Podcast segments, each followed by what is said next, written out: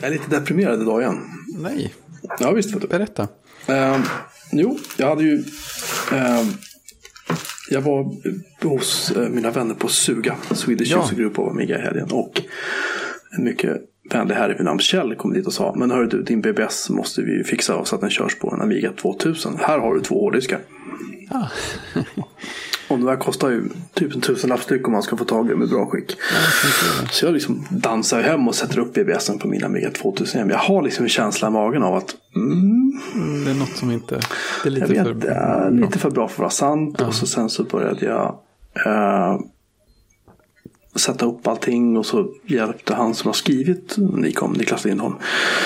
Han, för en lång historia kort. När man ska exportera ut Fidonet post ifrån Nikon. Så använder, man, använder jag ett verktyg som heter Crashmail. Ja, just det. Det har vi pratat om tidigare. Ja, och Crashmail på Amigan skriver ett värde. Som då, om det är en PowerPC-processor så är det Big Endian. Aha. Och när det är ehm, Crashplan på Linux så är det Little Endian. Och vad jag gjorde var att jag satte upp Crashplan och BinkD på Linux och så kör jag via NFS till för Amigans Fidonet-posten. Och det funkade. Och när Niklas fixade den där sista buggen så var det bara yes, nu liksom. Och det bara funkar så bra. Och jag satt och läste min, min Usenet-post och min Fidonet-post och min Retronet och Amiganet och allting. Och jag bara satt och flinade. Och så plötsligt så började den hänga sig. Och så började den hänga sig oftare och oftare. Och igår kväll så hängde den sig och sen ville den inte starta upp igen. Om jag inte tar ut mitt svindyra turbokort. Där allt minne och 68 000, 68030 processorn, skassekontroller och allting sitter på. Och tar du ut det så börjar det funka. Tar ut det så funkar det, men då har jag ingen snabb Inget- processor, nej. inget minne, ingen diskkontroller, ingenting. Så, och jag hade dessutom plockat isär min 1200 för att fixa ordning i den. Så att nu sitter jag eh, och tyvärr måste jag väl säga har jag satt upp en emulerad Amiga på en Windows Notebook jag har stående här på ett annat bord. Och sen får jag helt enkelt köra på den tills dess att jag lyckas på något sätt få ordning på det här GVP-kortet. Ja, det funkade innan. Så det måste ju rimligtvis gå att få funka igen. Ja, alltså grejen var att det här var ju trasigt när det köptes. Och sen så fixades Mm. det och sen köpte jag det av han som fixade det. Jag tror inte att det är hans fel. Jag tror att det här är någonting annat som har hänt. Eller också är det samma fel igen. Mm. Ja. Jag vet inte. Eh, Jag ska inte suga igen på lördag. Under förevändning att jag ska köra dit en bokhylla. Vilket jag faktiskt ska göra. Men Ja, då tänkte jag att det då kan jag ändå liksom, du vet, hänga lite. ja, precis. Det är skönt med riktiga anledningar till saker. Och be de här eh, riktiga YB-nördarna där inne att ta fram lödkolven och multimetern och liksom börja kolla läget. Genierna. Faktiskt. De är omänskliga de där människorna. Ja, det, det, är- det är otroligt med sådana såna personer. Och, och det värsta eller bästa är att man, man skulle säkert inte kunna sätta stopp för dem om man ville heller. Nej, nej. Nej, men alltså de, Det är så här, de Du skulle är... inte kunna komma dit med något som är trasigt och, och säga nej till hjälp. Det skulle inte vara möjligt. Nej, nej, nej. De, de kastar sig över allting. Kom in en hårddisk som låter som den, en stenkross. Bara, Ah, så här. Alltså, och grejen är så här att eh, om jag ska vara allvarligt för ett ögonblick och det, det ligger inte mig nära hjärtat. Men jag ska göra ett. Ja, precis. Så här. Ehm, många garvar åt de här killarna. Alltså, eller många ska jag inte säga. Men det finns då, alltså, förstår de, om en normal eh, tuggummi-tuggande Stureplanssnubbe skulle glida upp och suga och hänga lite grann så skulle han ju gå därifrån för tio minuter och han skulle ju inte förstå någonting. Nej. Alltså bokstavligen talat, han skulle verkligen inte förstå någonting. Nej, nej, men exakt. Det är så här, prata hans språk. Eller vad? Typ så. Och ehm, det roliga är att de killarna, för det är bara killar på Suga, de som hänger där är de snällaste och vänligaste och mest liksom accepterande människor du kan träffa. För de, de dömer dig inte liksom för vem du är. De dömer dig inte för, alltså om du inte är ett riktigt praktsvin förstås. men liksom. Typ stjäl saker och så. Då tror jag att deras tolerans skulle sjunka en aning. Men menar, om man, om man uppför sig normalt så är de hur snälla och öppna som helst. Och liksom bara, tja, hej, välkommen. Vi har ett gemensamt intresse. Kom in. Ja, men exakt. Och det är liksom... Eh, det, det är inte så jäkla vanligt. Nej, det är i sådär. det här landet, höll jag på att säga, men i samhället överlag. Liksom, Det är att, man bara, inkluderande nördigt. Ja, men, säg, att, säg, att du går, säg att du går på ett gym. Mm. Vilket jag absolut hatar. Eh, och då måste du ha liksom så här, då kommer, och viss, går du på Frisk och Svettis tror jag, där är liksom, det är nog lite grann, kan man nog jämföra med, med suga mentaliteten. Att tja, hej välkommen, kom in och liksom så här, häng Ja, med oss. Liksom. det.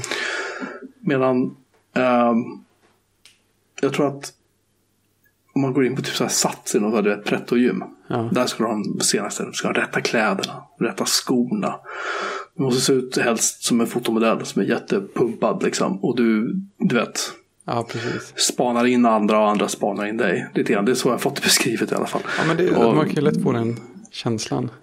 Ytligt liksom. Ja, ja men mm, precis. Men här är det inte ytligt. Här, här glider man in. Vi träffas vid tre varje lördag. Eller de är där varje lördag. Jag försöker vara där så ofta jag kan. Och sen så går vi ut och äter vi typ fem sex.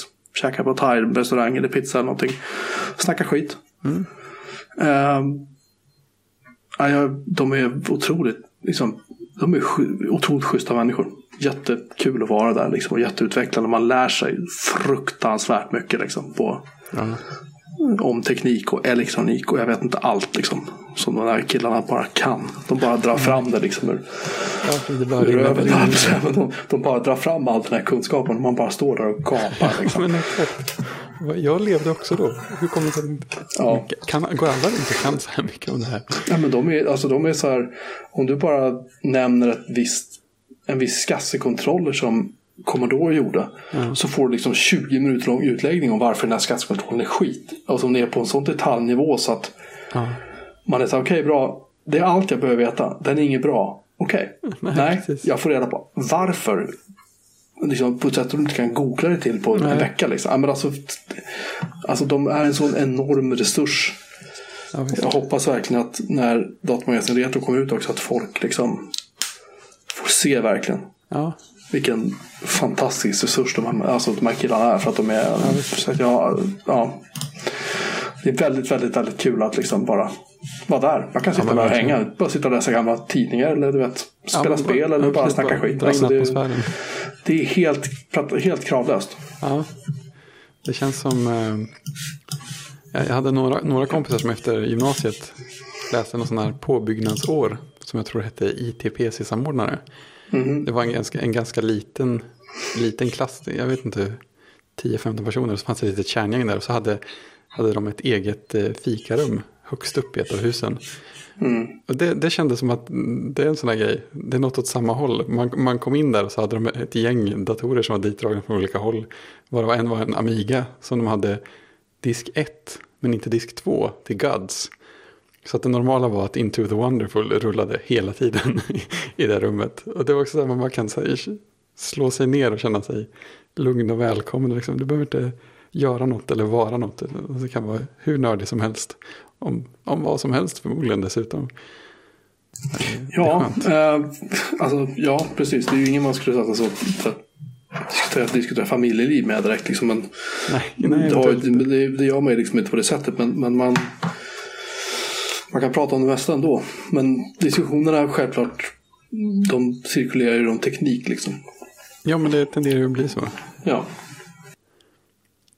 Sen måste jag faktiskt eh, bara slänga in att eh, jag har blivit lite, lite motbevisad om gyms eh, överdrivenhet. De är inte perfekta, men de är lite bättre än jag trodde. För vi fick gymkort på jobbet för, det var nog ett och ett halvt år sedan kanske. Eller något. Det tog ju bra lång tid innan jag använde det på egen hand. För det är ju det där, så att komma in på ett sånt ställe. Så, man, man vet, ja, A, man vet hur folk är där. Eller B, man vet ju inte alls hur folk är där. Jättejobbigt. Men det är i alla fall fler fullt normala människor där än, än jag hade föreställt mig. Och det känns skönt. jo, men det är det nog. Men alltså, jag tror också att det är skillnad att om man, om man går till man går till ett gym här i Ja, i, i Stockholm och man går in alltså, går, man, och går jag på ett gym i Vallentuna liksom. ja det beror Så tror jag inte, så, det tror jag inte, det är inte där liksom. Nej, vet, precis. Det beror nog väldigt, begåvnings- väldigt begåvningsreserven med de stora musklerna hänger. Utan det är liksom det är inne i stan. Det är de här hetsiga 24 timmar öppna gymmen där Ja, men precis. Alla där- businessmänniskorna går och hänger. Du vet. Ja, Nej, alltså, jag, jag har ju sett massa av de där het- hetsarna också. Så det, de finns ju. ja, det är nej, det, är inget snack inte, om det, tyvärr. det är inte roligt alltså. börjar betrakta. Um, andra lite gladare Amiga-nyheter får jag väl också få med Ja. flika in. Eh, Jag nämnde att jag köpte ett turbokort i min 1200 som heter AC1221.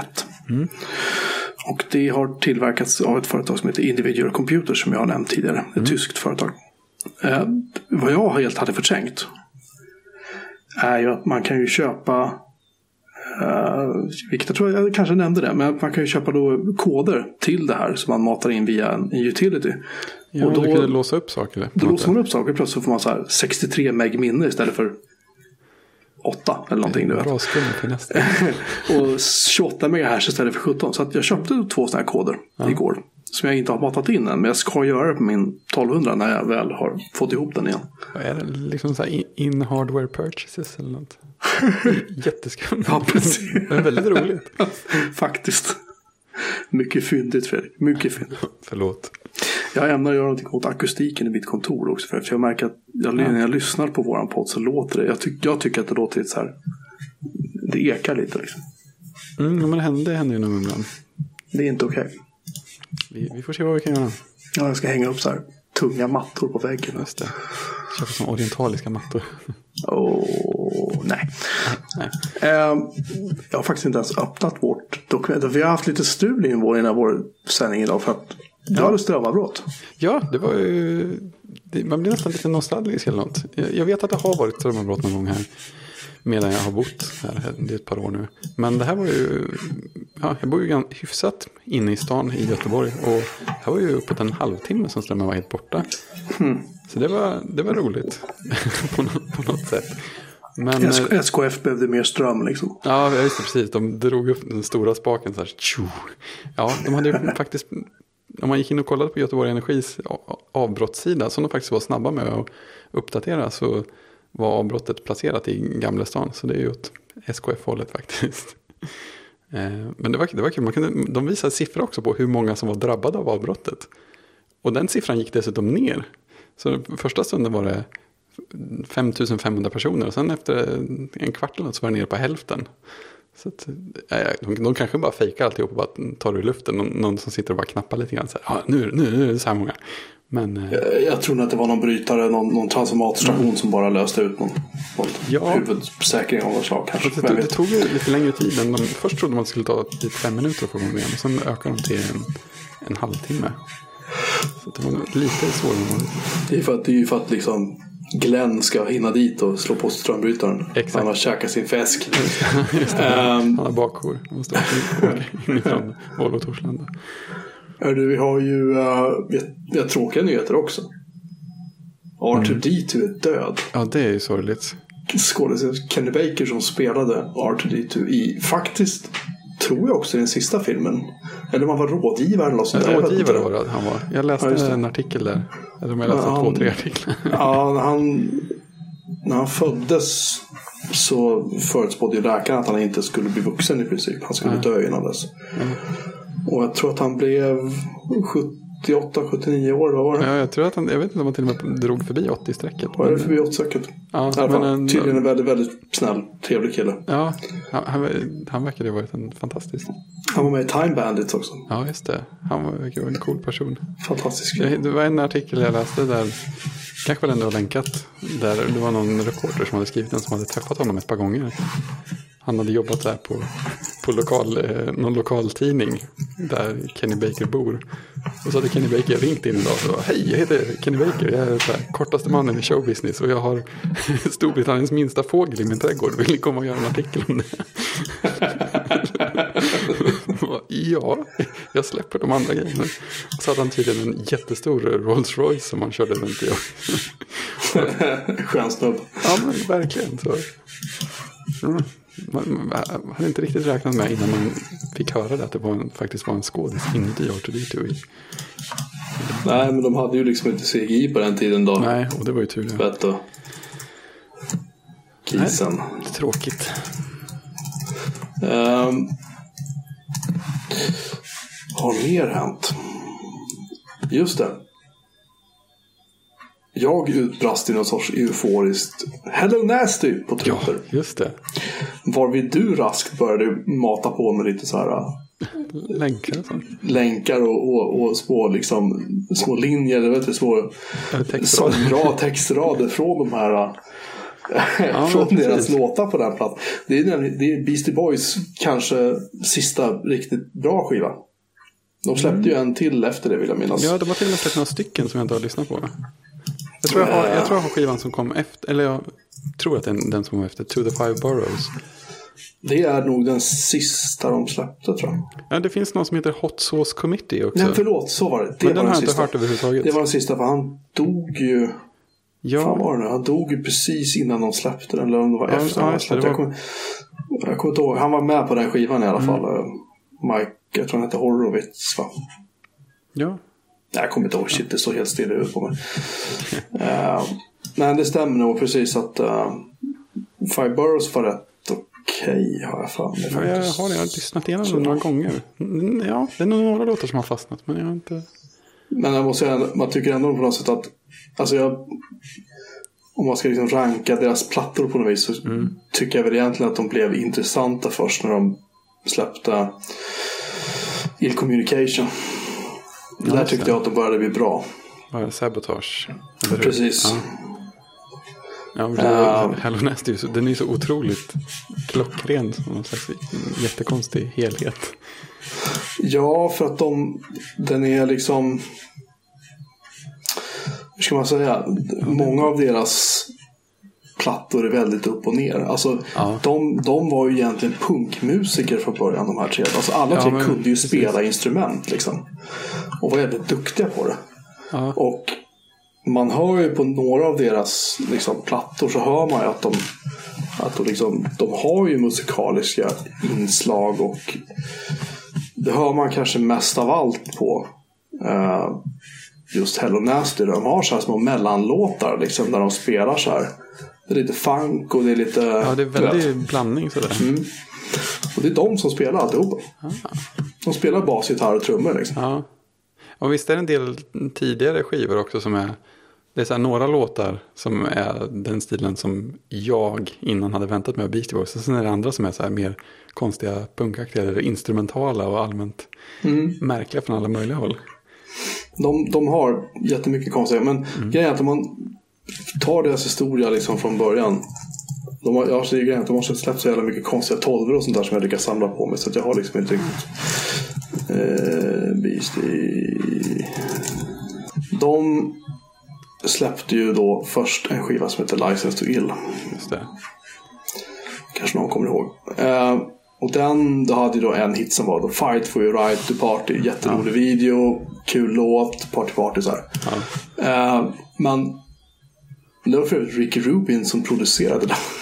Ja, det var han som gjorde mycket av eh, soundet tror jag jag har läst. ja, han har, han har producerat så här Nine Nails, Metallica, Ja. Run TMC, Slipknot, ZZ Top, Justin Bieber, you name. Han har producerat allt. Ja, jag har jag för att jag läste att det var han som gjorde alltså, framförallt kanske soundet på, på just Fight for your right.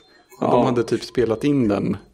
Eh, jag vet inte, jag antar att de hade spelat in sig själva och typ någon slags instrument till. Och sen så kom han tillbaka och sa, jag har producerat den så här. Och så var det liksom hela, hela det här soundet som är på låten nu. Så lät det helt annorlunda än de hade väntat sig. Ja, nej men de... de um... kul att se om man tittar på Wikipedia sen så står det faktiskt exakt var de har vilka låtar de har samplat till varje låt. Oj, lång sida. Den är väldigt, väldigt, väldigt lång. Samplingar är roligt. Eh, den, här, ja, precis, den här skivan är, är, den är ojämn. Och sen kom Pauls butik. Ja, eh, den, 89, tre år senare. Och den är så här, den är lite mer jämn liksom. Ja, Eh, det känns också, det är lite mer helhetsgrej på något sätt. Ja, fast jag, jag har ändå lite svårt. Den är fortfarande lite så här, den är mera License to Ill än vad den var. Liksom, lite senare låtar, Ja, men det, jag. det är det. Ja, absolut. Men eh, ja, det, det, det, tog lång tid. Men jag, jag gillar den ganska mycket efter ett tag.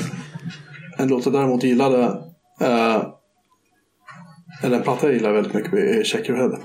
Den kom 92. Och Ja. där, bör, där började de mer spela, liksom, eh, mera liksom just eh, instrumentala grejer. De Ja, spelar mera Mm. live på, på låtarna. Mer liksom åt punkhållet sådär.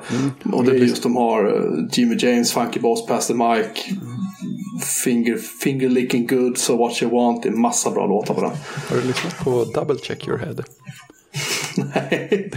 Det är en kille som har gjort eh, en, en remix av Check Your Head med Check Your Head.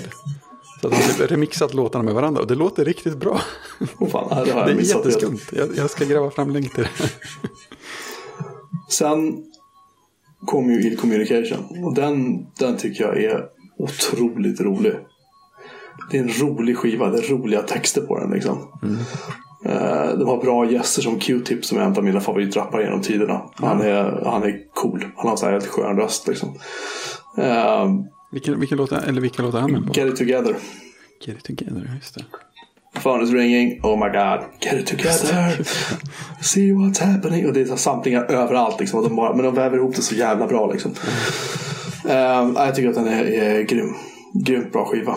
Ehm, och efter den kom ju då Hello Nasty 1998. Precis. Precis, jag Och tror den- att det var den första Beast Boys-skivan jag skaffade. Ja, Så det tog jag mig in, bakåt lite grann. det var inte min första. Men däremot så. Jag, jag kommer ihåg att jag tyckte att liksom, Body Moving var otroligt bra. Jag blev däremot besviken på Intergalactic. För Intergalactic har en sån fantastisk refräng. Ja, precis. Det, det går liksom inte att eh, toppa här nästan. Nej, Eller, var ska man ta vägen härifrån liksom? Det, Den tappar svinmycket i, i, när de ska göra verserna på den. Och det kan jag känna lite så här. Det är lite synd. Men Super Disco Breaking, asbra. The Movie bra. Remote Control Song for the Man. Ja, Body, Body Moving är ju helt fantastiskt. Ja. Liksom. Eh, alltså hela låten. Alltså, det är egentligen en enda dålig låt på den här. Egentligen inte Galactica den som jag inte riktigt gillar. Men de andra är liksom otroligt, otroligt bra. ja, det var det som var grejen när jag gick loss på länkar. Så hittade jag ju, av någon anledning tänkte jag skulle söka på Mixmaster Mike. Som Mm. är med. Han, jag, vet inte, han, jag tror han är med på rätt många låtar i bakgrunden sådär. Men eh, ja, då, hittade, då hittade jag ett, ett klipp på YouTube där han öppnar en Beastie Boys-konsert. Mm. Eh, och han är ju riktigt bra bara i sig. Det är så här, jag kan ju ingenting om DJing eller så, men jag, kan ändå så här titta och beundra och känna att det här är sjukt bra liksom, framträdande och sjukt bra hantverk. Så här, det här är någon som är riktigt, riktigt bra på sin grej. Som gör. Eh, I alla fall så slutade det klippet med början på Intergalactic och precis när de ska komma in på scen. och och det, det är ju så, så sjukt bra intro också. Och liksom slutar mitt, mitt i det. Här, det. Det är på något sätt höjdpunkten av hela låten. Så jag var ju tvungen att leta fram ett klipp som var hela konserten. För det visade sig finnas. Även om det var typ utan upplösning. Usch, 240p. Ja. Men, men det är så, låten pikar ju nästan där. Ja. Um, ja, jag, jag, jag tror att Helen Nasty är nog deras mest jämna och bästa platta. I alla fall. Sen kommer vi till The Five Boroughs. Och Five Boroughs ju tydligen, jag tror att Boroughs är väl typ så stadsdelar eller någonting i Mm. Ja, New. York då. Precis. Brooklyn och hej och så. Queens och sånt. Ja, och den, jag håller med. Jag tittar på låtlistan nu och det säger jag kan faktiskt inte jag kan inte placera en enda låt från den här skivan. Jag vet att jag har hört den för jag har skivan. Men jag kan inte placera någon av dem. Men sen The Mix-Up är också en platta. Den var tydligen bara så instrumentallåtar. Det, det verkar som de har lirat live rätt mycket. Ja, den har jag aldrig hört. Nej, jag tror inte jag har gjort det heller. Och sen kom deras sista, The Hot Sauce Committee Part 2. Kom det en etta också eller kom det bara en del två? Ja, grejen är att ehm, de skulle ha släppt en etta också. Men han Adam Jauk, Adam Jauk, Jauch, han dog i cancer. Ja. Mm. Ehm, och det finns, om man tittar på Wikipedia sen så finns det en, en, ett omslag till del 1 som då aldrig släpptes. Jaha. Men den Hot Sauce Committee Part 2, den är, den är inte dålig. Men jag tycker att den är ganska, ganska bra faktiskt. Schysst. Uh, tydligen är det så att Part 2 har i princip samma låtar som Part 1. Det är tydligen några låtar då som Jaha. Eh, det står i alla fall här att uh, An email sent the following week now clarified that part 2 would be released with almost exactly the same tracks list as was announced for part 1, excluding the track Bunt Cake. No date is set for part 1. Eh, tydligen är det så att Part 1 släpptes under namnet Part 2. Okej, ja, det förklarar saken. Oerhört förvirrande. Oerhört uh, rörigt. Um, men i alla fall, den är inte dålig. Den, den är, den, den, den, han dog ju så pass nära inpå. Liksom. Så att uh, jag vet inte, ja, det, det blev en lite så här. Det blir lite så här. Ja. Det blir lite laddat på något sätt. Ja, ja. Det blir lite tråkigt. Han dog ju, han var 47 när han dog 2012. Ja. Dog han, Adam Jauch. Uh, tydligen så hade han en pseudonym som heter Nathaniel Hornblower. Tur. Oerhört roligt. De hade sin stil på något sätt. Ja, den är helt... Nej, men uh, de var duktiga. Han var ja. alltså, ett jävligt duktigt band faktiskt. De underskattade på så många sätt tycker jag. Ja, liksom. de kunde, uh, kunde verkligen sina grejer. DJ Master Mike. Ja. Han heter egentligen Michael Schwartz. Ja. Nästan samma sak. Ja, han är helt vansinnig. I alla fall. Eh, ska ni lyssna in på Beastie Boys så kan man egentligen eh, man kan egentligen rekommendera att man börjar med Hello Nasty kanske. Ja, om man inte eller, vet att man är ute efter något visst annat. Eller Ill Communication. Ill Communication tycker jag också den kan man lyssna på i princip rakt igenom. Men Hello Nasty tycker jag den kan man verkligen köra. Bara rakt av. Mm. Det, det, är så pass många låtar så det, det tar ju en stund att komma in i den. I alla fall gjorde det för mig. Ja, den är bra att lyssna på när man jobbar tycker jag. Ja, men det, mm, det kan jag nog köpa. Det har jag inte tänkt på. Men det, ja, men det är ganska stor spridning sådär. Mycket att ta sig in i. Men det är värt. Och det är det värt, ska man säga. Ja, bara ett instick. Jag ser att våra, min arbetsgivare betalar mig för mitt bredband varje månad om jag lämnar in kvitto. Jaha, se om du kan få dem att ändra på den policyn. ja, jag ska ha en terabyte fiber. Jaha. Tack. Klarar mig inte lösa. Här har, ni, här har ni fakturan killar. Ja, precis. Det behövs mer om alla barn är hemma samtidigt. uh, ja, i alla fall. Uh, dina sju första datorer, det var någon sån här Twitter-grej som dök upp. Ja, du, du, du la ut det först och sen var det lite bekantade dig som la ut det. Nej, det var Jack Nutting som la ut det. Ja, var han som började. Han började, det tror jag. Han, han var det första jag upptäckte. Ja. Och då var man ju tvungen att haka på. Ja, jag började naturligtvis fundera på vad som menades med mina. Vad definitionen var en dator du hade hemma eller ägde eller använde. Ja, precis. Sju ju... första datorer som mm. du liksom, inte så i skolan eller. Nej, jag blev lite förvånad för att om jag räknade, om jag räknade bara datorer som jag verkligen såg som mina. Så kom jag väldigt långt fram i tiden på sju stycken. Men om man räknar datorer som jag hade hemma som jag använde mycket. Då blir det ju, då kommer man ju igenom dem lite snabbare. Mm. För det börjar ju med 64 självklart. Mm, den, var, den var ju enkel. Den räknas ju oavsett hur man tänker. För den fick jag. Och samma sak med Amigan. Var också min. Eh, men sen fanns det ju ett, ett gäng datorer. Som, jag menar jag använde en massa men som inte var mina. Var ingen... fann, fanns de hemma liksom? Ja men precis. De stod, in, de stod ju typ i pappas arbetsrum. Men det var ju de facto någon annan som använde mesta tiden. Ja. Och där fanns det ju först en Mac, en gammal LC2. Eh, den, den är väl tveksammast även av det gänget. För att jag använde den lite grann visst, men det var ju mest. Jag tror att pappa faktiskt gjorde en del jobb på den och sådär. Men där spelar ju Civilization med. Ja, det var mycket fler färger än på Amigan. Och lite, lite samplat ljud och sånt där. Det, ja, det var fint. Det var liksom Civilization. Hädare. Hädare. Ja, jag vet. Jag vet. Men det var det värt. Okej. Okay. Eh, och sen så var det ju två sådana där hem-PC-datorer som passerade förbi. Och de, eh, så var en Pentium 133 och en Pentium 2 450 eller någonting sånt där. Mm. Eh, de P P3 minns han på 700 också. Ja, den köpte jag själv. Det var min första PC som jag köpte. Mm. Så den är, alltså nu beror det på det. Om man räknar de där tre, vilket jag inte är säker på att jag gör. PC-datorerna är mera kandidater för att räknas som mina datorer. Men jag vet inte riktigt. Men P3 den köpte jag själv. Och sen så var det ju faktiskt Powerbooken efter det.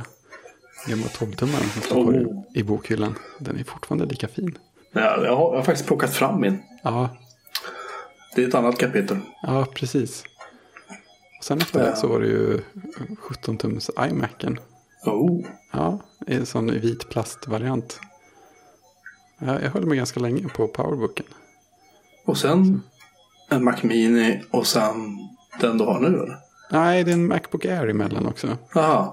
Ja, 11 tumman. Ja, förlåt. Nu ser jag. det. Just det. Mm. Och sen var det ju Mac Mini och sen är Macbooken nu. Just. Så det, är, det är ganska lång livstid på varje dator får man säga.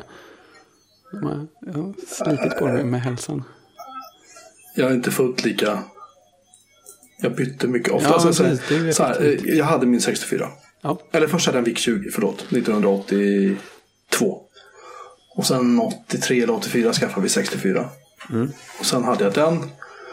Och sen så eh, krängde jag av den av någon, jag krängde av den för att jag så här hade blivit med moppe. Jag tänkte att nu ska, jag- nu ska jag vara som alla andra barn. Så sitta det. framför datorn hela dagen så jag skulle börja hänga med moppekillarna. Var det tänkt. För jag bodde ju liksom verkligen ute på landet. Det var inte så jäkla kul det där. Så att jag krängde av min moppe och sen så på vägen från min farfar. Jag var en flakmoppe. Så min farfar och jag var och krängde av den till någon, någon, någon 08 uppe vid någon eh, så färjeläge. Han skulle ha med den ut på skärgården. Liksom. Ja, det där den. Så han, han så, ha, jag har ju köpt den. Han tyckte inte den var någon fin. Han hade fått bilder och så här. Så jag hade skickat bilder till honom på posten och så här. Jag kommer inte ihåg hur det gick till. Han tyckte inte den var någon fin. Men han typ langade in sedlarna på framsätet i, i pickuppen som vi hade. Och så lastade vi av den från flaket och sen så körde vi därifrån. Så på vägen tillbaka så sa farfar. Kan du inte, kan du inte stanna på Obs i Södertälje? Så här, Jo då, sa farfar. Vi gled in så köpte jag min Commodore 128D. S- Första nya dator jag någonsin köpte i kartong. Ja, det är stort. Ja, den... Oh. Jag minns inte hur det gick till när jag krängde av den, men jag gick från den till en Atari 520 ST. Kommer jag ihåg. För att jag bodde uppe i, i Hägersten och alla mina klasskompisar hade Atari. Det var liksom ingen som hade Amiga där. Och sen när jag flyttade därifrån, vi flyttade tillbaka ner till Gnesta där jag växte upp då. Och då så var det ingen som hade Atari istället. Så då krängde jag den och skaffade till slut min Amiga 500.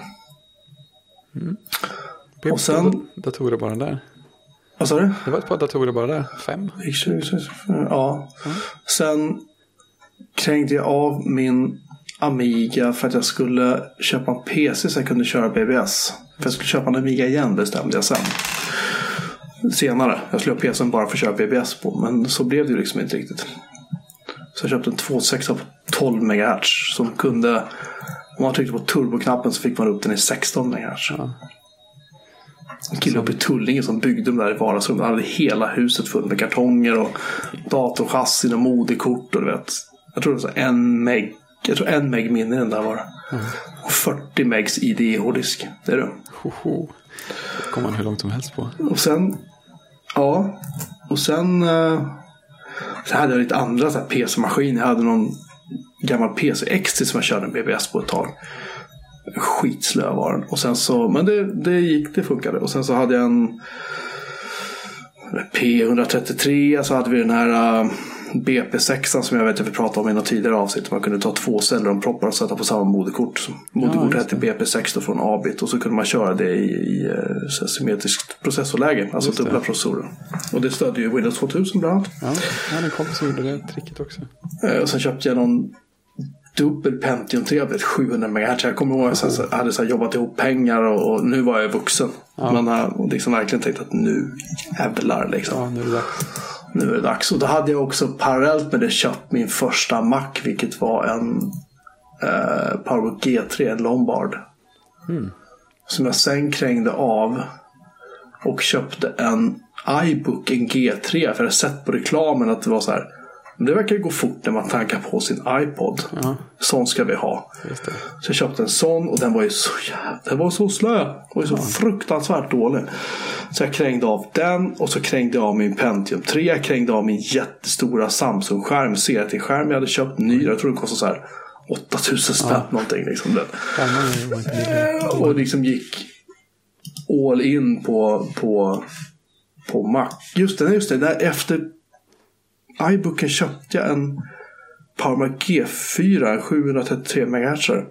En sån där, du vet, ja, klassiker. Just Och den krängde jag också av. Jag krängde av allt. Och så köpte jag min andra nya dator i hela mitt liv. Om man bortser från PC-maskin hade byggt från scratch. Och det var min Powerbook G4 12 MB. 12 tum. 12 tummar. Första modellen. Oh. Ja, det är nog typ, är det typ samma som jag har då? Okay. Och den har 667 MHz Ja, det låter G- bekant, G4. Och den var, tyckte jag var jättebra tills att de släppte eh, MacOS X 10.3 eller 10.2. någonting. Jag kommer inte ihåg för då ändrade de eh, värdena för eh, när fläkten skulle kicka in. För de blev väldigt varma de där. Det var tydligen Ja. folk som hade Folk hade tydligen fått så brännskador på benen av sina powerbooks som satt med shorts. Ja, Jag kommer ihåg att det kunde bli väldigt varm på där man hade handlederna också. Ja, det var det. om utrymmet. Det var, det var inte roligt. Men, eh, Nej, man blir svettig om händerna på sommaren. oh yes. Nej, men då i alla fall så, eh, så hade jag den rätt länge. Eller jag har faktiskt jag har kvar den fortfarande. Jo, det är samma maskin, just det.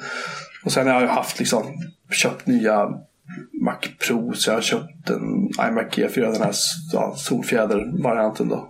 Till min dåvarande fru. Som jag sen fick tillbaka. Ehm, De är så fina. ja, jag har två. Just det, jag har sett dem.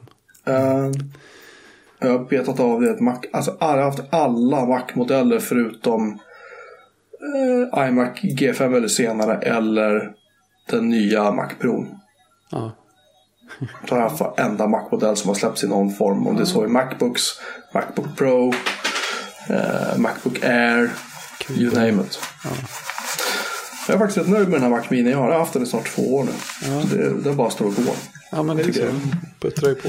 Utom när strömmen går. ganska... Ja, precis. Jag får väl sätta lite UPS under bordet. Ja, jag blev så förvånad när jag insåg att mitt, det mesta av mitt internet var borta i plötsligt. Ska det behöva vara så här? Twitter över som ett djur. Ja, skandal. Vi försökte till och med spela in över, Ja, precis över. Det- Men Där fick jag ju faktiskt en riktigt bra, en oväntat bra sån här hand-off-upplevelse. Sånt där som Apple gjorde reklam för att, oh, mm, vad var det, MacOS N-1 och iOS N-1 skulle börja kunna prata med varandra på smarta sätt. För att Ja. jag gick in på min, den iPaden som har mitt eh, mobildata tvillingkort i sig. Slog på internetdelning. Sen lyfte jag locket på min Macbook. Varpå jag såg att den hade redan uppkoppling och höll på att uppdatera Twitter och ladda ner mail och sånt. För att den hade på något sätt eh, upptäckt att ah, men här är en känd iPad som delar ut ett känt nätverk. Det ansluter vi till. Inga uppgifter, ingenting, det bara funkar. Så det var lite magiskt. Det är inte klokt. Nej, det kommer säkert aldrig funka igen. Men nu, just nu funkade det Nej. och det var ju häftigt. Glädjas åt det lilla här i livet. Exakt. Men eh, det var, det var, ja, det var lilla med avseende på bandbredd också. Mobil, mobildata in i ett hus via bluetooth till en dator. Det var inte supersnabbt. Nej, det, det var läge på ungefär, ungefär 10 sekunder.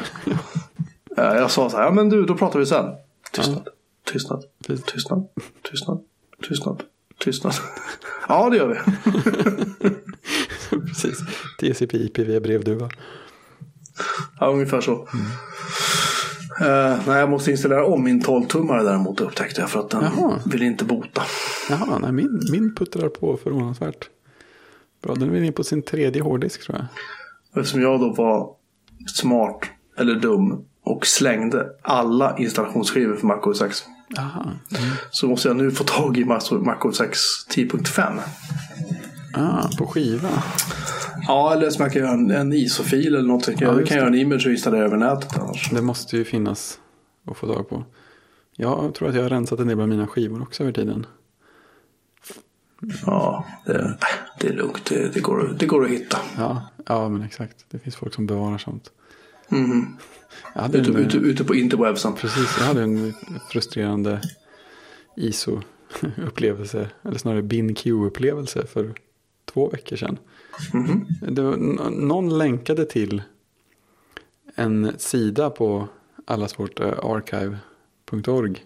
Mm. Där jag fattade inte riktigt om det var nu eller för väldigt länge sedan. Men jag antar att det var för väldigt länge sedan. Så hade Panic släppt någon slags CD var det då. Med, eh, som det tydligen innehåller versioner av deras dåvarande så stora program. Audion och Transmit för PowerPC. Och typ 68K-program och sånt också. Det skulle finnas massa så här utforska, hitta godis-saker på den. Jag tänkte att det där lät ju spännande. Och då fick man ner en bin-fil och en Q-fil. Och sen så, jaha, hur var det man gjorde med sådana här grejer nu? så kom jag på det, alltså det fräckaste vore ju faktiskt bränna det på en CD och bara köra därifrån. Så just det, bränna saker ja. Sådana där grejer som sätter en CD ja, ja, just det, jag har en powerbook. Och det är ändå den som jag bara kommer kunna köra den här PowerPC-skivan på.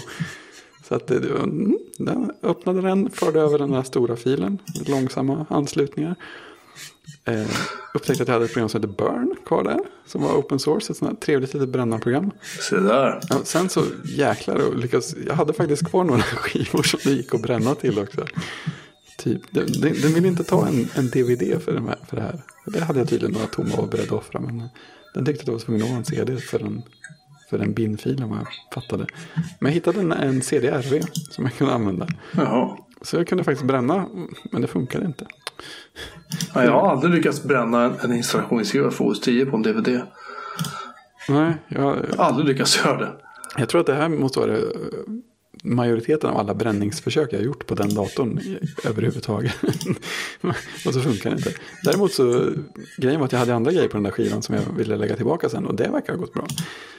Jag, vet, jag vet inte om det var något så här exotiskt gammalt eh, dataformat den där skivan ville ha eller vad det kan vara fråga om. Men jag lyckades inte.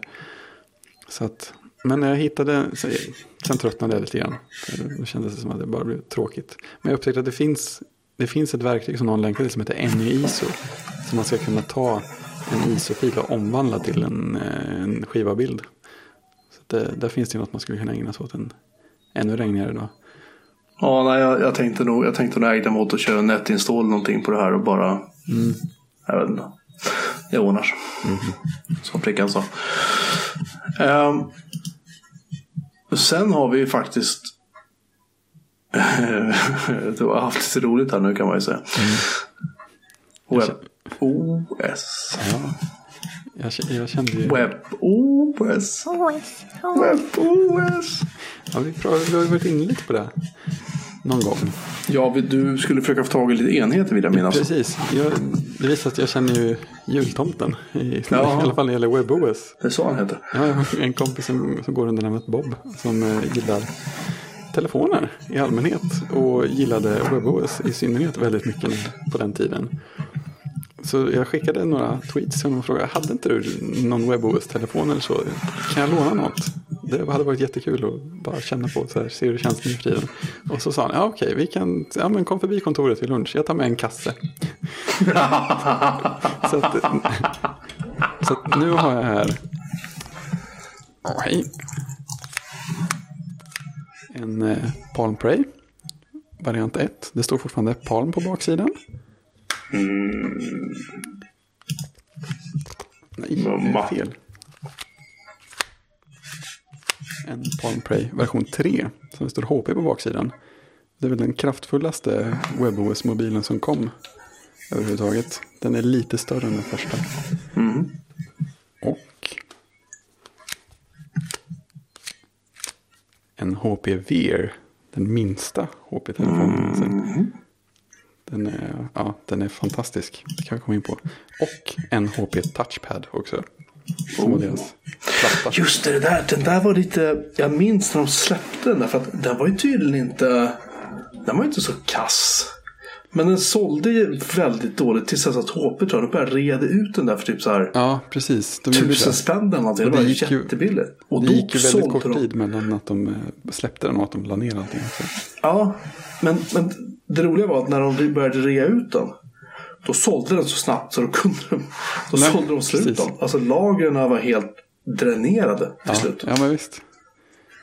Jag tyckte det var fascinerande. Ja, det, det är ju det. Och den var ju ett, den var ett äventyr i sig att få igång också. Jag vet inte, vilken, vilken ordning vill du ta det här? Börja från början. Eller nej, nej. Ta den coolaste. Ta Så, den coolaste jag får säga det min favorit är ju faktiskt eh, den här Veer. Den allra minsta telefonen. Mhm. För den, den känns, om något, nu när jag tänkte på det, så känns den som någon slags föregångare till eh, nutidens eh, smarta klockor. Det är ju på något sätt en, en stor variant av den formfaktorn snarare än en liten telefon. Men den är, den är så oerhört skön i formen. Samtidigt som det är en pryl som inte alls skulle funka i en modern version. För att eh, ingen, ingen webbOS-enhet före touchpaden hade ju ett eh, tangentbord på skärmen. Den är liten den där rackaren. Ja, den är riktigt liten. liten. Vi ska lägga upp några jämförelsebilder. Eh, men, men grejen är att, så att den, man skjuter iväg den så, så har Ja, man eller det, det fysiska jättelilla tangentbordet här. Och alltså, det funkar ju faktiskt att skriva lite grann på men det är ju aldrig smidigt och det är ju aldrig lika bra som ett modernt eh, on-screen tangentbord. Så att på, på något sätt så är ju den är ju väldigt nedlastad av att man behöver använda det här tangentbordet hela tiden. Men det gör samtidigt att skärmupplevelsen är så ren och att skärmupplevelsen, touchupplevelsen i sig funkar ju på en så liten skärm just för att tangentbordet aldrig dyker upp och tar upp hela platsen. Och det är fascinerande alltså hur WebOS skalar till skärmutrymme. Det känns som att det gör det våldsamt mycket bättre än, än vad iOS-appar sånt där gör. Det var inte många år det fanns och utvecklades men det funkar ju li- lika bra på skärmytan på en VR som på en Palm Prey som på touchpaden. Och då, ja, de hann inte göra så himla många anpassningar av det. Så att, eh, de gjorde någonting rätt där. Och tydligen så är det ju så att eh, LG som äger WebOS nu för tiden. De har ju släppt tv-apparat som bygger på, på Ja, det. men de har också släppt en smartklocka som bygger på det. Och det kan, jag- det, jag kan förstå att det funkar när jag leker med VRen. För att det, är- det, det är bra genomtänkt för att funka oavsett skärmstorlek på något sätt. Ja, jag har sagt jag fick ju aldrig pröva dem där riktigt. Utan det är så här, en av mina större sorger här i livet. Mm. Kan man ju säga. Ja, precis. Men man känner, man känner också att tyvärr har ju tiden hunnit gå lite för långt. Eh, om det bara hade varit så att det på något sätt gick att få in en nyare webbläsare så hade man faktiskt kunnat göra en del med de här fortfarande. Men nu är den lite för gammal. Så man kommer väl in på Facebook men allting som använder bara lite för mycket JavaScript är ju bara, bara kört. Eh, Jag testade faktiskt Overcast, det webbgränssnittet. Ja, det, alltså, grejen, är, grejen är att det laddar in Och tändlat till BBSen också. Precis, det, det, det hade ju varit väldigt rätt. Det hade varit extremt rätt. Men så här, webbgränssnittet laddar in och så. Men man har ju inte stöd för de moderna så här, mediataggarna. Så att, då tar det ju stopp där. Eh, Och det är en massa andra sidor som inte heller går. Menar, den har ju Facebook-app, den har ju en mail-app som stödjer Gmail. Men inloggningssätten har ju förändrats sedan dess. Så att de går inte heller att komma in på. Så att, Men alltså, jag förstod rätt så är väl mycket av Gud till den där är väl JavaScript på ja, det är ju en, en stor del av grejen. I princip allting är ju JavaScript. Ja, Så att eh, det är ju, det påminner ju mycket om moderna sätt att göra webbappar. Jag tror till och med att det är en del moderna sådana här webb-layout-saker, alltså flexbox och så, finns det något som heter för, för att göra liksom bättre, lite, lite bättre layout. För det har alltid varit krångligt i HTML och CSS. Jag, jag undrar om inte flexbox är något som kommer ifrån WebOS-projektet. Att det var de som införde det och liksom pushade för att det skulle bli en standard. För det, är här, man- det gör det lättare att göra dynamiska layouter och säga att det här ligger till vänster och det här ligger till höger. Och det, det här elementet liksom skalar upp mer än de här och sådana saker. Så att de var ute med mycket sånt de var ju, ja, Sen där kortgränssnittet är ju rätt mysigt alltså. jag tycker det är sjukt synd att det inte blev mer av det här. Även om jag då dissade den väldigt hårt. Liksom. Jo men alltså det, grej, det är ju Ja. det. Alltså det finns ju gott om anledningar att dissa dem också. De hade ju problem med så mycket saker. Men det, det, det, är det kanske också gör att det känns ännu mer spännande att hålla de här prylarna nu. För att de var så pass ute på sin egen kant. Och det kanske aldrig hade funkat i längden. Men just därför så känner man att ja, det här är ju i utkanten på någonting som aldrig blev. Så, så här, den, världen, den världen där man gjorde fräcka saker som hade tangentbord. Och man hade, gick omkring med små, små telefoner. Det ett alterna, litet alternativt universum. Nej, ja, precis. Jag sitter och tänker på när jag, när jag tittar på bilder och sådär nu. Så är det så här, men vad, vad fan höll de på med? Fattar de inte? Alltså det är lite Ja, så, så det känns att så här, så. eh, varför, varför försökte de ens? Men, Ja, men precis. Och så här det, var väl tar- sista racet liksom på något vis för dem. och varje gång man tar fram tangentbordet och ser på dem att de här inte släpptes i Sverige. För att Mm. eh, som VRen, jag tror att, den är, att det är tysk tangentbordslayout på den. Och den har Mm. ju alltid det. Det är, så här, det är inte QWERTY, det är QWERT Z. Och liksom Y ligger längst nere till vänster. Och, och sånt där. Det, det, det blir ju alltid kvar. Det hade ju inte hållit kan man känna. Men sen, alltså, sen gillar jag verkligen eh, känslan på hårdvaran också. Både så här färg och form. Och det är speciellt veren där också. De, de är ju de är så här mattsvarta. Jag tror att de fanns i vitt också. Men, men den mattsvarta är ju, den ser ju på något sätt liksom proffsig och så utan att se ut som ond teknik som så svarta saker kan göra. Utan den ser så här liksom, mjuk och varmt svart ut på något sätt. Mm. Om, om det låter rimligt. Så de är, de är så våldsamt snygga att titta på. Det känns som att det är så här varma spastenar eller någonting. så att jag, jag, hade, ehm. jag hade ju inte haft något emot om det fanns modern telefonhårdvara som, som såg ut så här. Jag sitter och tittar på Jolla. Just det. Uh, och jag förstår sig väl det med Android-lur va? Ja, det är ju... Sail, Sailfish. Sailfish det, det, är ett eget OS. Eh, som bygger på grejer som Nokia. Vad heter Migo? Ah, de, de tog det. det vidare. Just. Jag har faktiskt en Nokia-telefon här också som Bob skickar med och tycker att jag ska leka med också sen.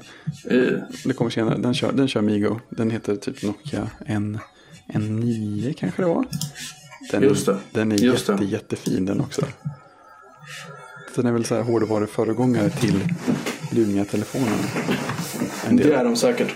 Ja, den är alltså Lumia är ingen dålig lur. Jag ska inte egentligen ska säga det. För jag tycker att uh, Lumia 850 eller vad den hette som jag hade. Den, den, var, den var bra. Mm. Uh, men med Windows Phone tyvärr så var det ju apparna. Liksom. Ja. Snarare att det inte fanns några.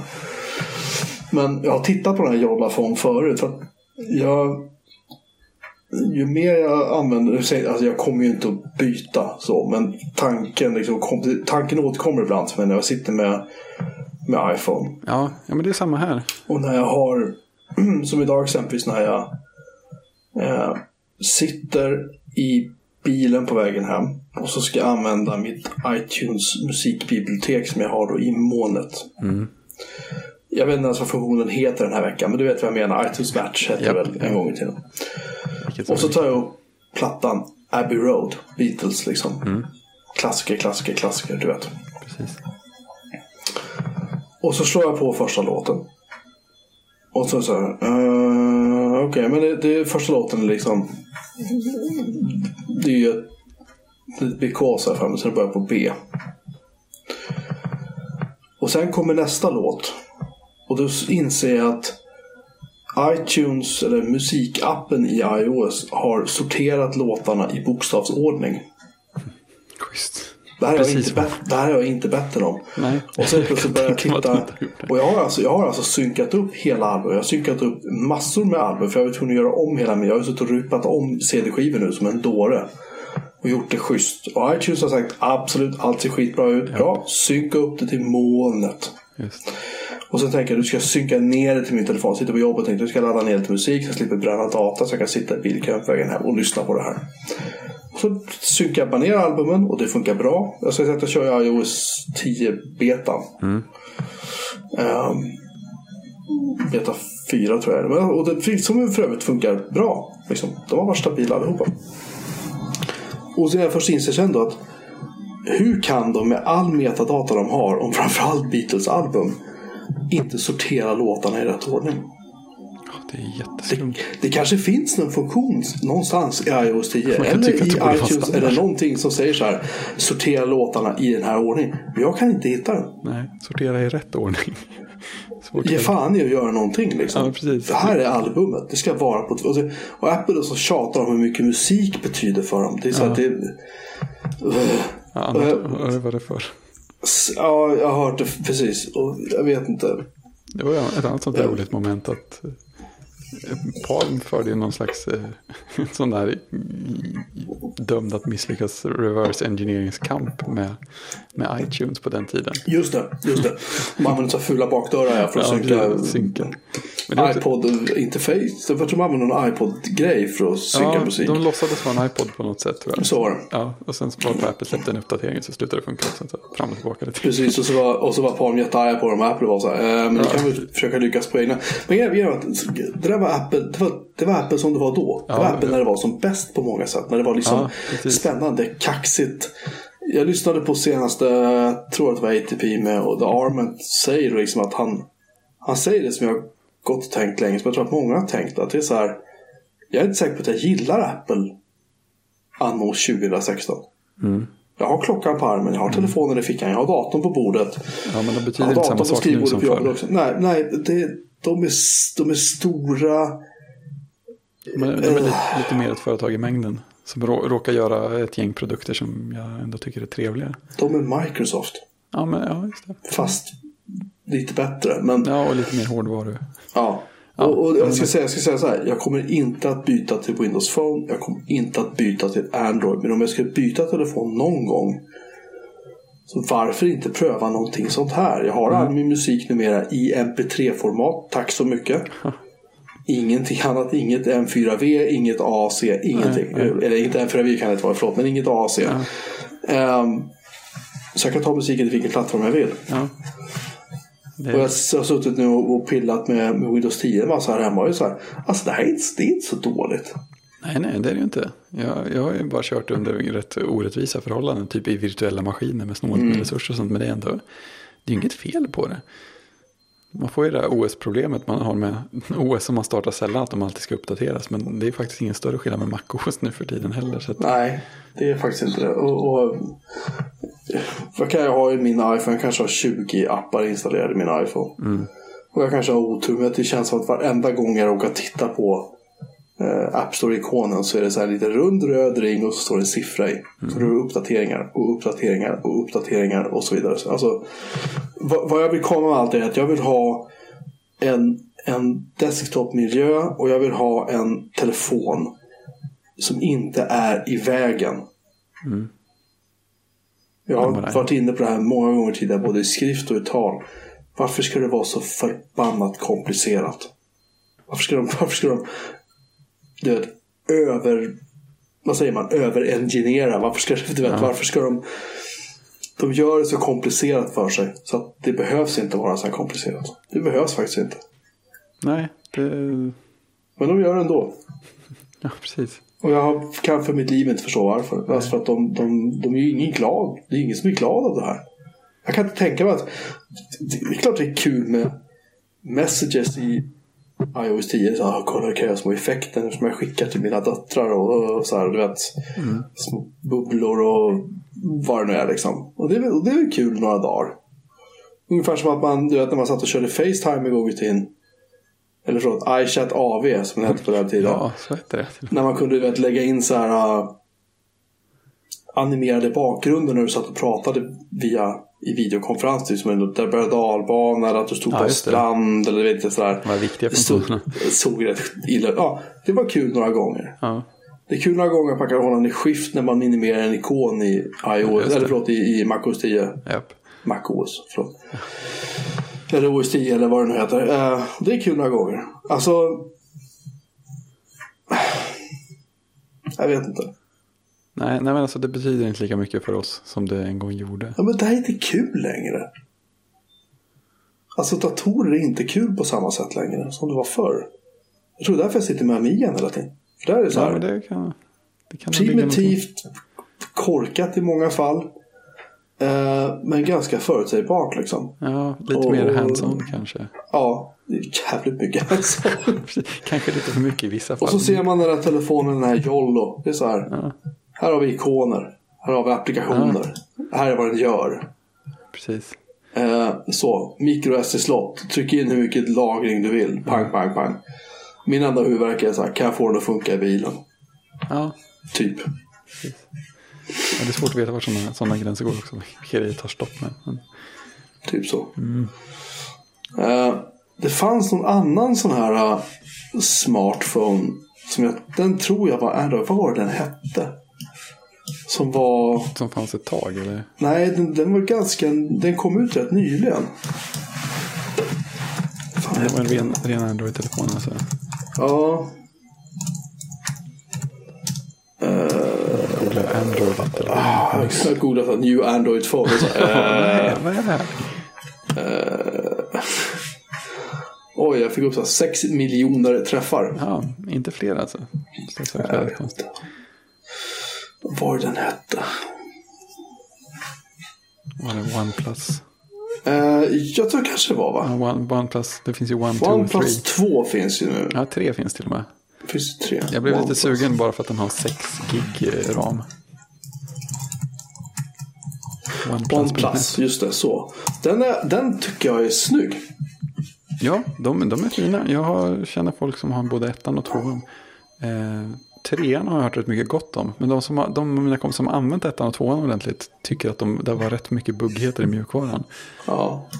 Men eh, ja. Men den kör ju Android, eller hur? ja, det gör den. Den kör ju typ Cyanogen.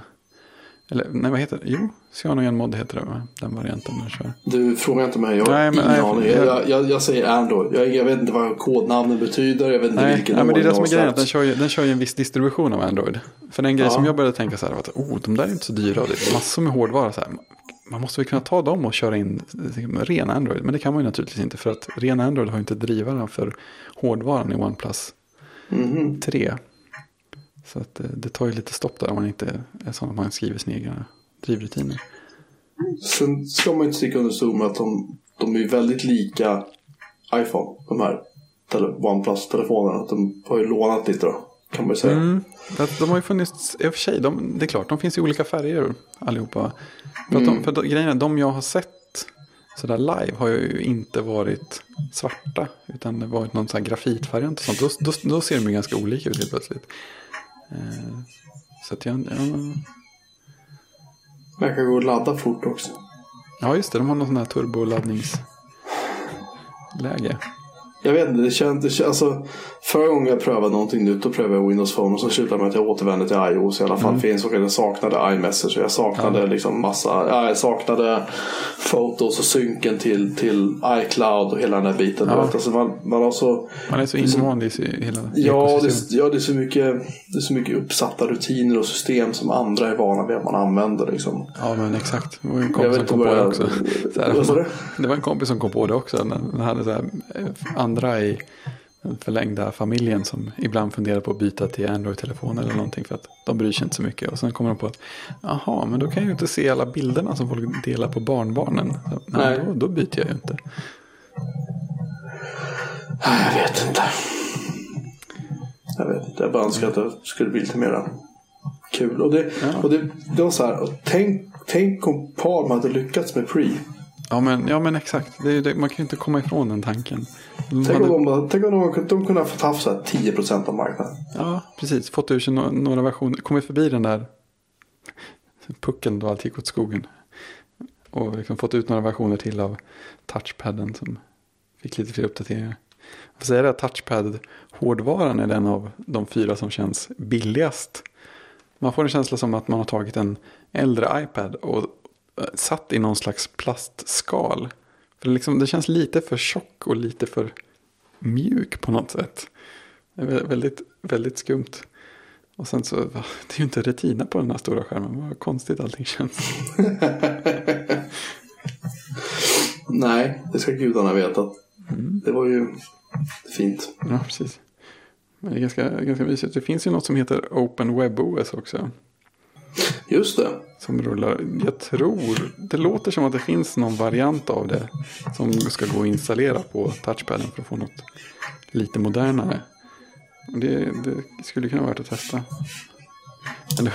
Det var ju en eh, lång historia att få, få in eh, WebOS på den igen. För att Bob hade... Ja, vad var det, vad var det där? Jo, varit grejen var att Bob hade ju, har ju haft den här ett par år. Han köpte Ja. den ju när den var rätt ny, eller om det var på den där brandrean. Och sen har han ju velat eh, använda den lite mer. Så att han hade ju kört in eh, eh, Android på den.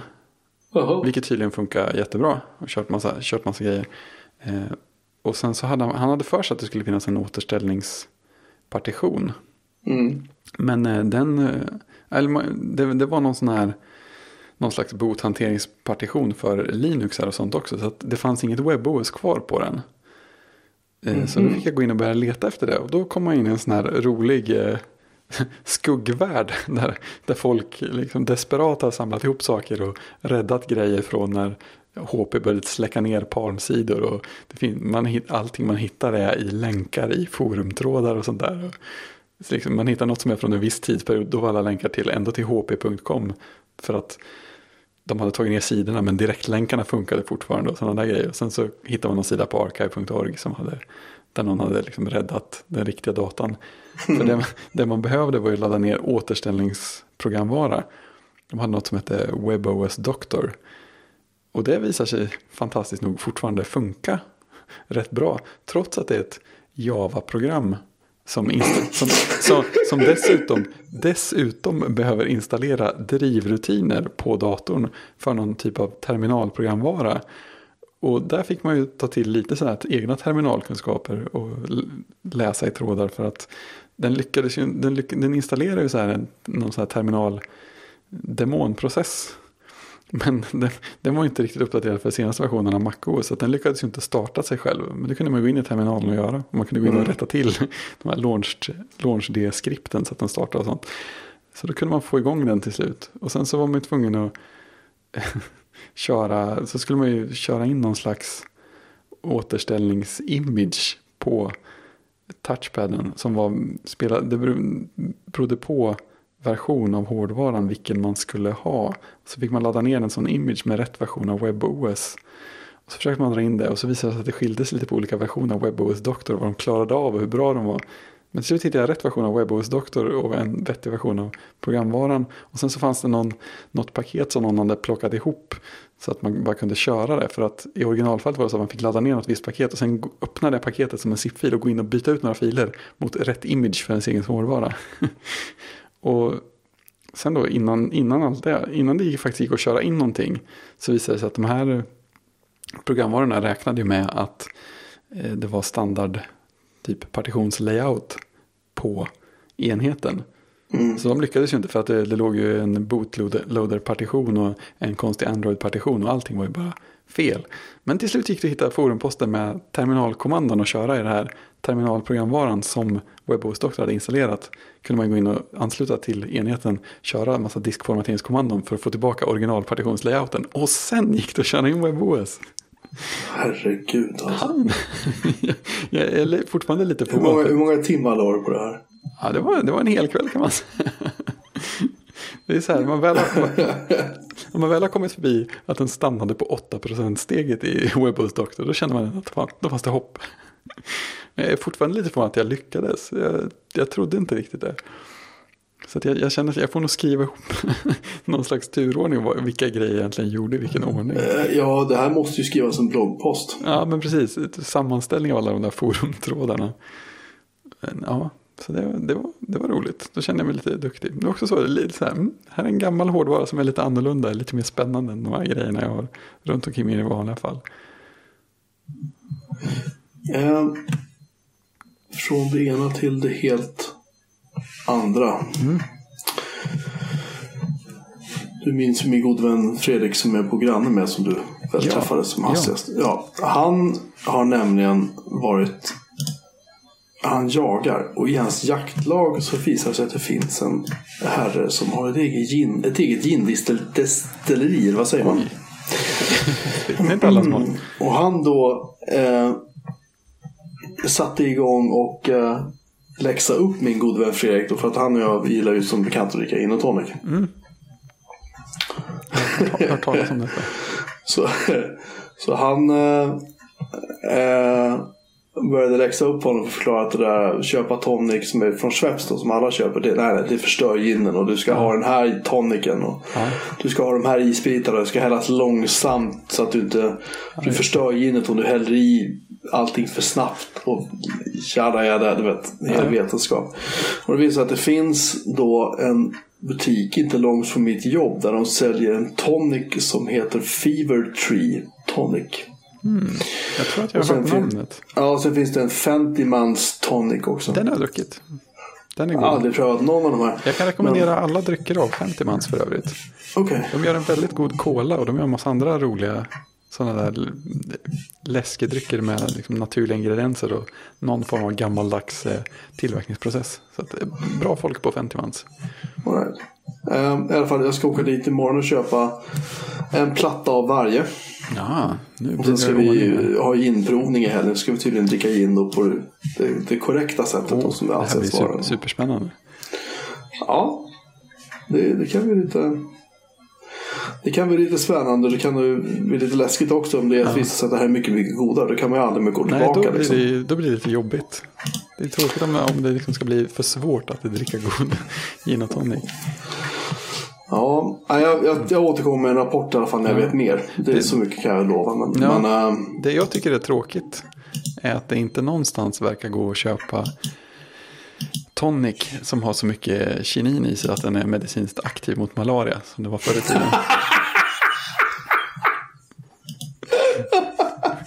Det, det måste ju betyda att den smakar rätt annorlunda också. ja, om man, kan, om man har legitimt skäl att hälla i sig precis hur mycket som helst. Ah, Ja, det är för malaria. Vet du. ja, ja, visst. Det var ju så förr i tiden. Ja, ja, vad fan. Det, det, det är det som är så kul. Och jag tror, jag tror att... Eh, om jag inte minns helt fel så tror jag inte att, att tonicen förr i tiden var direkt sötad heller. Eh, Start, hela startgrejen med drycken var väl att, att man var tvungen att dricka tonicen. och smaka så jäkligt så man började hälla i gin för att det skulle bli godare. Är riktig medicin där. Ja, Jag är för det. Ja, Äh, ser inga problem. jag ser att man faktiskt på OnePlus kan gå in och fylla in. Man kan kontakta deras pressavdelning.